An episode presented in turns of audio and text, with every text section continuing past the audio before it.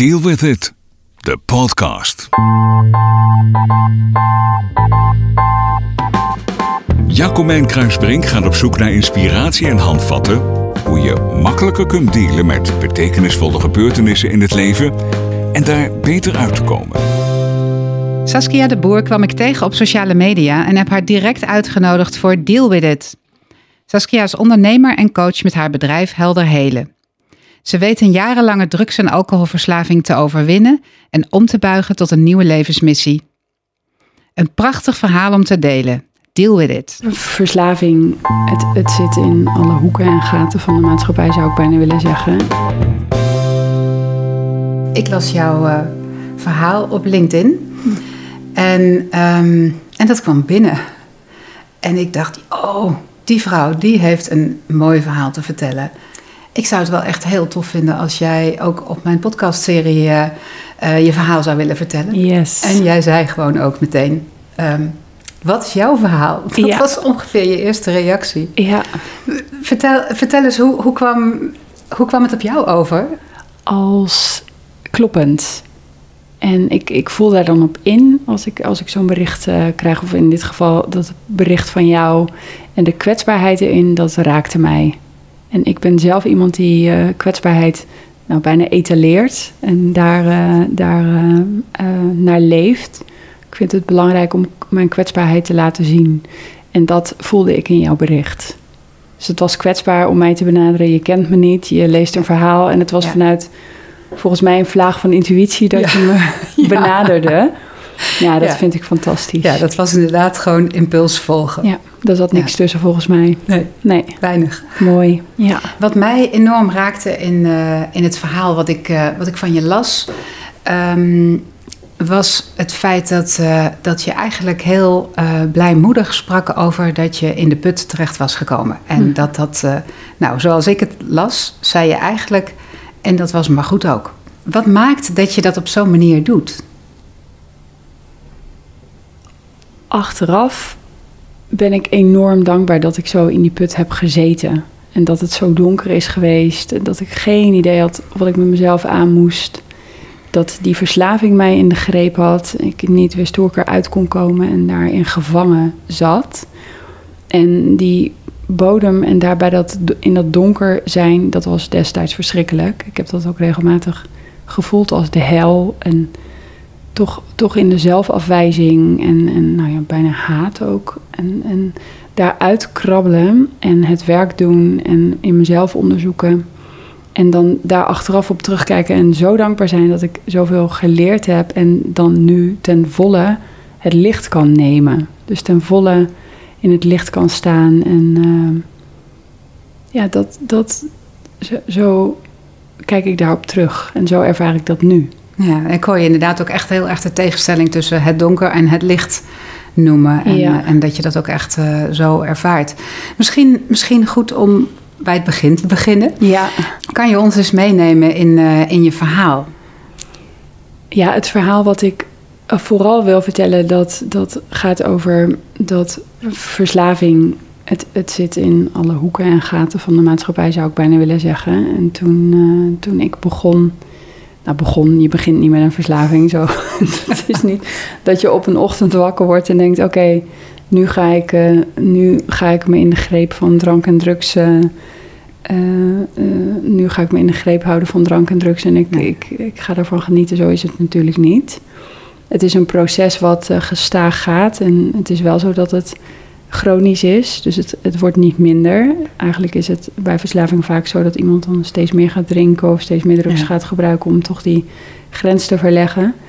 En het is ook eh, progressief. Dus het kent best wel een snel stijgende Ah ja. lijn. Je hebt steeds meer nodig en het wordt steeds lastiger om eh, te voldoen aan waar je lijf no- aan behoefte aan heeft. Ja. Is dat wat je ermee bedoelt? Ja, Ja. en dan komen de aspecten van schaamte en schuld eh, daarbij. Want ik heb in die periode van verslaving ook veel gelogen of muziek gemeld. Terwijl ik niet ziek was, maar gewoon niet nuchter en niet in staat om naar mijn Ja. werk te gaan. Ja, en de schaamte die daarbij komt kijken, die zelfafwijzing. Dat, eh, dat maakte dat ik dat weer niet wilde voelen en dus vervolgens weer ging verdoven. Dus dan wordt het een visueuze cirkel en een neerwaartse spiraal. Oké, Ja. dus juist de schaamte, eh, het isolement wat je voor jezelf creëert om niet te delen wat je probleem is, Ja, ehm, versterkt alleen maar je probleem en eh, houdt je weg bij, eh, bij de mogelijke uitgangen die er misschien af en toe wel zijn. ja, en het is heel paradoxaal, want iemand die verslaafd is, die wil het liefst, hè, die heeft zo'n verlangen om nuchter te worden. Althans, laat ik voor mezelf spreken. Mhm. Ik had zo'n Ja. verlangen om nuchter te worden. Ik heb dagboeken volgeschreven over, ik had ook, dat noemde ik dan ook mijn book of shame. Dus dat was mijn Daar schreef ik allerlei Ja. ervaringen in. En ja, daar ging het steeds over dat ik, dat ik het morgen anders ging doen. En dat ik echt, ik wilde dit niet meer. Ik wist niet wat er met me aan de hand was. Waarom lukte het me niet om te stoppen? Dat soort eh, zinnen heb ik over en over en over in dat boekje geschreven. ja. Dus ik had zo'n verlangen om eruit te komen. Maar aan de andere kant de angst om het niet meer te kunnen doen. En eigenlijk niet meer te kunnen verdoven. En dan ineens zo in contact te zijn met al die gevoelens en al die situaties waarin ik dus nou ja, wel die schaamte en schuld heb ervaren. En dat, Mhm. dat, dat naakte ervan en dat rouwen, ja, dat, dat, dat, voelt als, dat voelde als veel. Ja, Maar Je zei net al, hè, want je, je wordt niet op een dag wakker en denkt, nou, laat ik, eh, laat ik eens eh, eh, een alcoholverslaving eh, gaan creëren. nee. Hoe, hoe ben jij daarin eh, terechtgekomen? Ik ben eh, toen ik 17 was vanuit Friesland naar Amsterdam verhuisd. Want ik had zoiets van, oh, ik wil de grote stad in en ik wil dat eh, gaan ontdekken. Ja. En eh, mijn moeder ze- zegt dat ik geloof ik al vanaf mijn vierde riep dat ik naar Amsterdam wilde gaan. dus ik had dat al... Vastberaden. Precies, ik Ja. had dat al jong besloten. En nou ja, ik, ik ontdekte die stad en ik voelde me toen al echt alsof ik de wereld had uitgevonden. Maar ondertussen was ik ook heel onzeker. Dus ik, eh, ik kwam in die grote stad terecht en ik ontmoette mensen die ouder waren dan ik. En ik ging met die mensen op stap en ze namen me naar clubs. En dan nou ja, komt er een eerste ecstasy-pilletje en een keer een, een jointje. En ja, zo, zo ben ik in die party scene eh, gerold. Nou, en dat heb ik heel veel weekenden. Tijdens mijn studie eh, ben ik naar feestjes gegaan met heel veel vrienden. En ja, daar werd eigenlijk altijd drugs gebruikt. En ehm, op een gegeven moment was er de partydruk GHB. En ik zag vrienden van mij die daardoor, nou, die namen dan te veel. En die ja, gingen dan oud, zoals dat heet. En die belanden in het ziekenhuis. En ik zag dat en ik dacht, oh, dit, dit, dit is niks voor mij, dit wil ik niet hebben. Dus daar eh, had ik een besluit in genomen. Dat heb ik jarenlang zo volgehouden. En op een gegeven moment, op een thuisfeestje bij een vriend, ben ik toch voor de bel gegaan. Ja, toen had ik het genomen en toen voelde ik als het ware alsof alle zorgen van me afgleden. En de onzekerheid en de gedachten die ik vaak had, gedachten van onzekerheid en zelfafwijzing, die verdwenen. Als het ware als sneeuw voor de zon. En ik had het idee dat ik weer in de baarmoeder eh, zo'n Mhm. cocon van liefde. Dus het was eigenlijk een super fijne ervaring op Ja, dat moment. En dan, dan Ja. wist ik, oh jee, dit is... eh, Nu ben ik verkocht. Nu, nu wil ik meer, ja. En dat is, dat, die druk die heeft mij eh, wel in de verslaving geduwd. En die heeft mij heel veel grenzen doen overgaan. En eh, steeds meer gebruiken, ook door de week gaan gebruiken. Daardoor natuurlijk niet fris zijn in de ochtend, steeds vaker ziek melden, weekenden doorhalen. Ehm, ook andere drugs ernaast gebruiken, want het is een wat... Ja, die, die, dat is een wat tranquilizer, zeg maar. Of niet iets waar je heel eh, hard van gaat, zoals dat ja. in China. Dus het, het, het, eh, het ging toen vanaf dat moment van kwaad tot erger. Je werkte inmiddels, Ja. zei je? Ja, ik werkte inmiddels. Ja. Ja. En dan ziet het er aan de buitenkant allemaal heel leuk uit. Ja, het was een, eh, van de buitenkant zag het er prachtig uit. Dus ik had een relatie in een koopwoning in Haarlem. En een eh, prachtige baan met veel verantwoordelijkheid. En nou ja, een high functioning addict zou je kunnen zeggen. Ja. En ik piekerde er niet over om dat ook met mensen te gaan delen. Dat ik dus niet het onder controle had. Ja. Ja, Is, is dat de essentie waar het over ging? Dat jij controle moest houden? ja, Ja. De- Rondom je verslaving, maar misschien wel over je hele leven? ja dus het beeld van buiten. En ehm, ik, ik ken perfectionisme ook heel goed. En die twee gaan die controle willen houden en perfectionisme gaan over Die het gaan hand in hand meestal. Zeker, Die ja, kunnen, dat kunnen heel goed samen vinden. Ja. Ja, ja, dus dat is... Ja. eh, dat, dat, En je was er ook super succesvol in, zo te horen. ja, ja, Een huis, een relatie, eh, een, eh, goede baan op jonge leeftijd. Ja. maar de vraag is... hè, mooie wa- vrouw, wat is, party scene. ja. Ja, en toch is de vraag, wat is succesvol? Want is het werkelijk succesvol op het moment dat ik van binnen eigenlijk continu aan het huilen ben en een leegte ervaar. En de buitenkant allemaal. Dat heb ik nu wel ervaren hoor, dat, dat, eh, dat het voor mij daar niet over gaat. Oké, ja. En waarschijnlijk heb je dat in die tijd ook al wel geweten. Ja. En ehm, ik was me er niet bewust van. Nee? Ik had zoveel onrust eh, in mijn lijf. En ik, eh, dat, daar werkte die drugs natuurlijk en die alcohol heel goed voor om die onrust niet te voelen. Maar ik, was, ik had zoveel onrust en onzekerheid en ik ja, wist me daar geen raad Ja. mee. En ik, ik wist niet waar het van kwam. Ik had heel veel boosheid en dat, dat, ik kon dat niet kwijt. Ja, dat was voor mij een soort vlucht. en, en Even niet in de realiteit zijn. ja, dus je zocht een manier om, om je eigen onrust te controleren. Ja. ehm, en en eh, hebt op de verkeerde plekken gezocht eigenlijk. Ja. Heeft jouw omgeving in die tijd niks aan je gemerkt? Heb je geen feedback teruggekregen? Of, of kon je dat echt niet horen op dat moment? Mm, Vrienden en vriendinnen hebben, dat, hebben mij wel feedback eh, gegeven. Ook zeker over dat gebruik van, eh, van GHB. En eh, ik, ik wist ook dat dat op een gegeven moment niet meer kon. Dus dat, dat ging van kwaad tot erger. En op een gegeven moment had ik mijn verjaardag gehad. Toen besloot ik te gaan douchen s'avonds. En toen ben ik dus knock-out gegaan onder de douche. Toen heb ik daar, ik geloof, twee uur gelegen. En, eh, ik, kwam bij, ik had keihard op mijn hoofd gestoten en een enorme buil op mijn hoofd. En ja, ik schrok me kapot. Ik dacht echt, wow, de douche die stroomde nog. Ik was heel erg geschrokken daarvan. En toen dacht ik, dit kan niet langer zo. Toen ben ik de volgende dag naar de huisarts gegaan en heb ik eh, opgebiecht dat ik eh, verslaafd ben en dat ik hulp nodig had. En toen kon ik eigenlijk gelijk daarna naar een instantie voor een eh, traject. Oké, en Ja. dat heeft ook geholpen. Dat heeft geholpen, ja. Dus ik stopte dan in 2011 met die, met die GHB. Maar wat niemand mij verteld had, ook niet bij die verslavingsinstantie, is dat er kans is op een cross-addiction. Dus dan kun je stoppen met het een. En ik sloeg, En je mezelf, iets. ja, ik sloeg mezelf op de schouder zo van, oh, dit heb ik geregeld, hartstikke knap. Ik gebruik dat niet meer, maar ondertussen ging ik excessief drinken en snuiven en alle andere dingen die... eh, dus het, Ja. het, het schoot niet op. Ik ging het een met het ander eh, ja, eh, compenseren.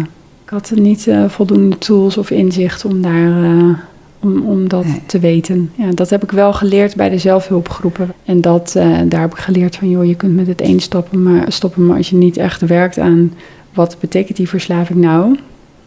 En dus ik heb het 12-stappenprogramma gedaan en daarin zit heel veel eh, kennis en kunde verweven over verslaving. Dat wordt dan een ziekte genoemd over de ziekteverslaving en wat het doet en Ja. wat het eh, allemaal voor impact heeft. Nou, daar had ik geen idee van. En verhalen van fellows, zoals dat heet. Ja. Dat heeft me ook geholpen om inzicht te krijgen in de hele dynamiek van verslaving. En eh, uiteindelijk was ik niet bezig met mijn eigen coachingpraktijk, maar iedere dag alcohol en drugs en iedere dag in hetzelfde stramien. Dus ik zat al maandenlang daarin. Ik had eigenlijk geen idee hoe ik daaruit kon komen. En toen verhuisde ik eh, naar Culemborg naar een goede vriend. En hij sloeg mijn gedrag gade en confronteerde mij op een gegeven moment toen ik weer uit Haarlem kwam. Omdat ik daar drugs had gehaald, confronteerde hij mij ermee. En toen eh, heb ik het opgebiecht. Toen zei ik, ik ben verslaafd en ik weet niet wat ik moet doen of hoe ik hieruit kan komen. Ja, want jouw omgeving had inmiddels het idee dat eh, ja, je was afgekikt van GHB, dus Ja. Het ging allemaal goed. Ja, ik heb dat ook niet aan veel Ja. mensen verteld hoor, Nee, dat, dat ik er überhaupt eh, verslaafd aan ben eh, geweest. Nee. Nee, Oké, dus dat, dat is in, in de schaamte gebleven. dat toch? is in de schaamte Ja. gebleven, ja. ja. Ja, Tot ik mijn coming out eh, heb gedaan. je kunt coming out in van alles hebben. ja, Dat- precies. ja. Dat, zo voelt dat. dat ja. en is dat belangrijk, een coming out? Voor mij is dat heel belangrijk geweest. Wat heeft het je gebracht? Nou, vooral vrijheid. Ik voel me zo bevrijd van eh, schaamte. Wil graag in de schaduw blijven. Hè. Schaamte wil niet, niet naar buiten treden of Mhm. het licht niet zien. Maar het heeft mij zoveel bevrijding opgeleverd dat ik het heb kunnen delen met een, een grotere groep mensen. En het voelt voor mij ongelooflijk betekenisvol om er nu over te kunnen delen en andere mensen misschien iets van hoop te kunnen geven. Deal with it met Jacomijn Kruisbrink. Wat gebeurde er toen? Nou, ik vond het super spannend en, en heel eng om mezelf op die manier te laten zien. Om dus aan de wereld te vertellen van, joh, dit is mijn verhaal. Ik ben verslaafd en ik werk nu aan dat 12-stappen-programma. Ik heb een sponsor en ik ben daarmee bezig. Ik heb dat op mijn Facebook eh, geplaatst. in, in de zomer van 2018, eh, geloof ik. En ja, dat was. Ik heb dat ook gedaan als in een soort intuïtie. En ik voelde dat. Ik was bezig met een training. En in die training ging het over: joh, kun je een online bedrijf bouwen? En ik was aan het onderzoeken van wat wil ik dan online gaan doen? Waar kan ik mensen mee begeleiden en ondersteunen? Dus ik was met Helder Hele al bezig en heb toen uh, geprobeerd om te kijken wat ik online kon doen. En in die training ging het heel erg over vlogs maken en over wat vind je nou interessant en waar ben je gepassioneerd over. Ja, en toen kreeg ik van de groep feedback. Zoals ik, ja, als het gaat, als je praat over verslaving en kwetsbaarheid, dan, zie, dan zien we iets gebeuren bij jou. Dus deel dat op je Facebook en deel dat met, uh, met het publiek, om het zo te Mm. zeggen.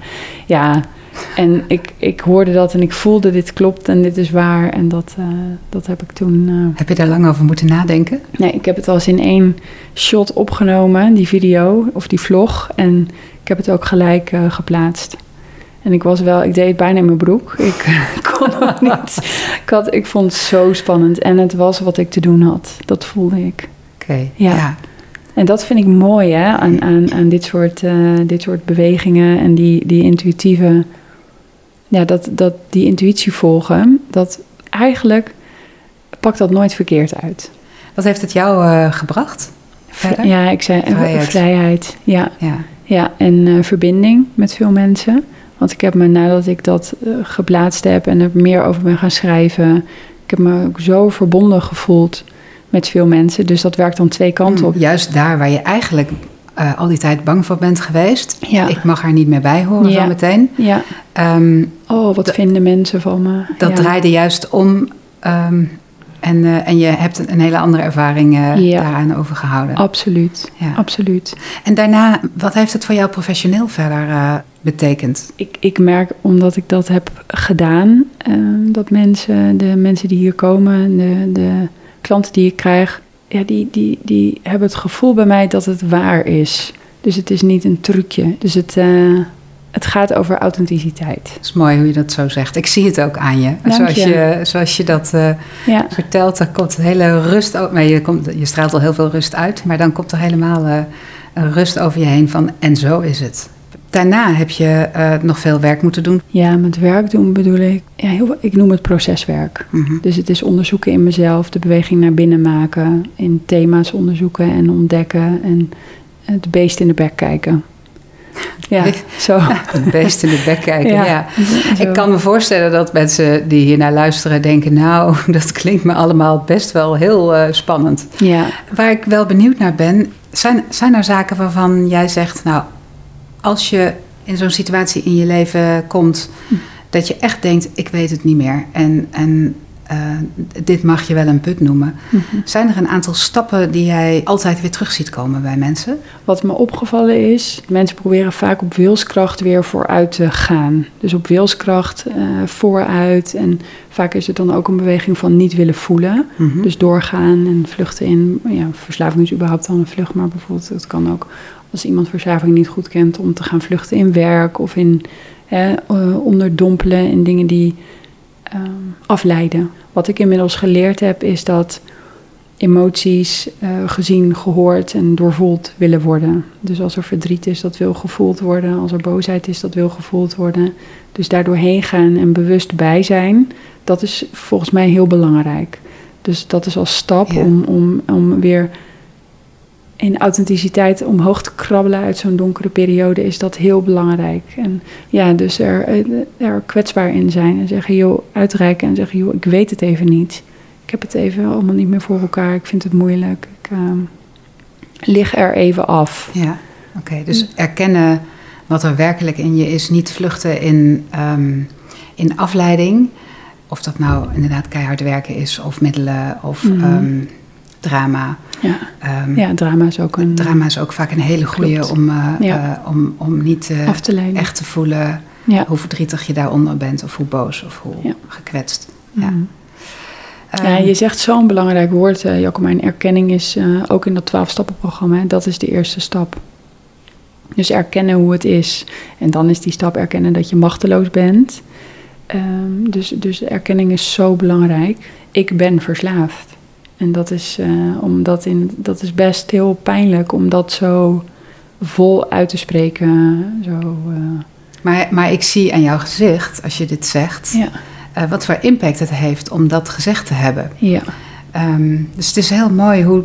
Nou ja, ik, ik merk dus, oh ja, filmbeelden, een soort van clichébeeld. Ja. En tegelijk ervaar ik bij jou op het moment dat je zegt: Ik ben verslaafd. Mm -hmm. Ik zie gewoon weer gebeuren dat je voelt hoe dat toen voelde. Ja, ja.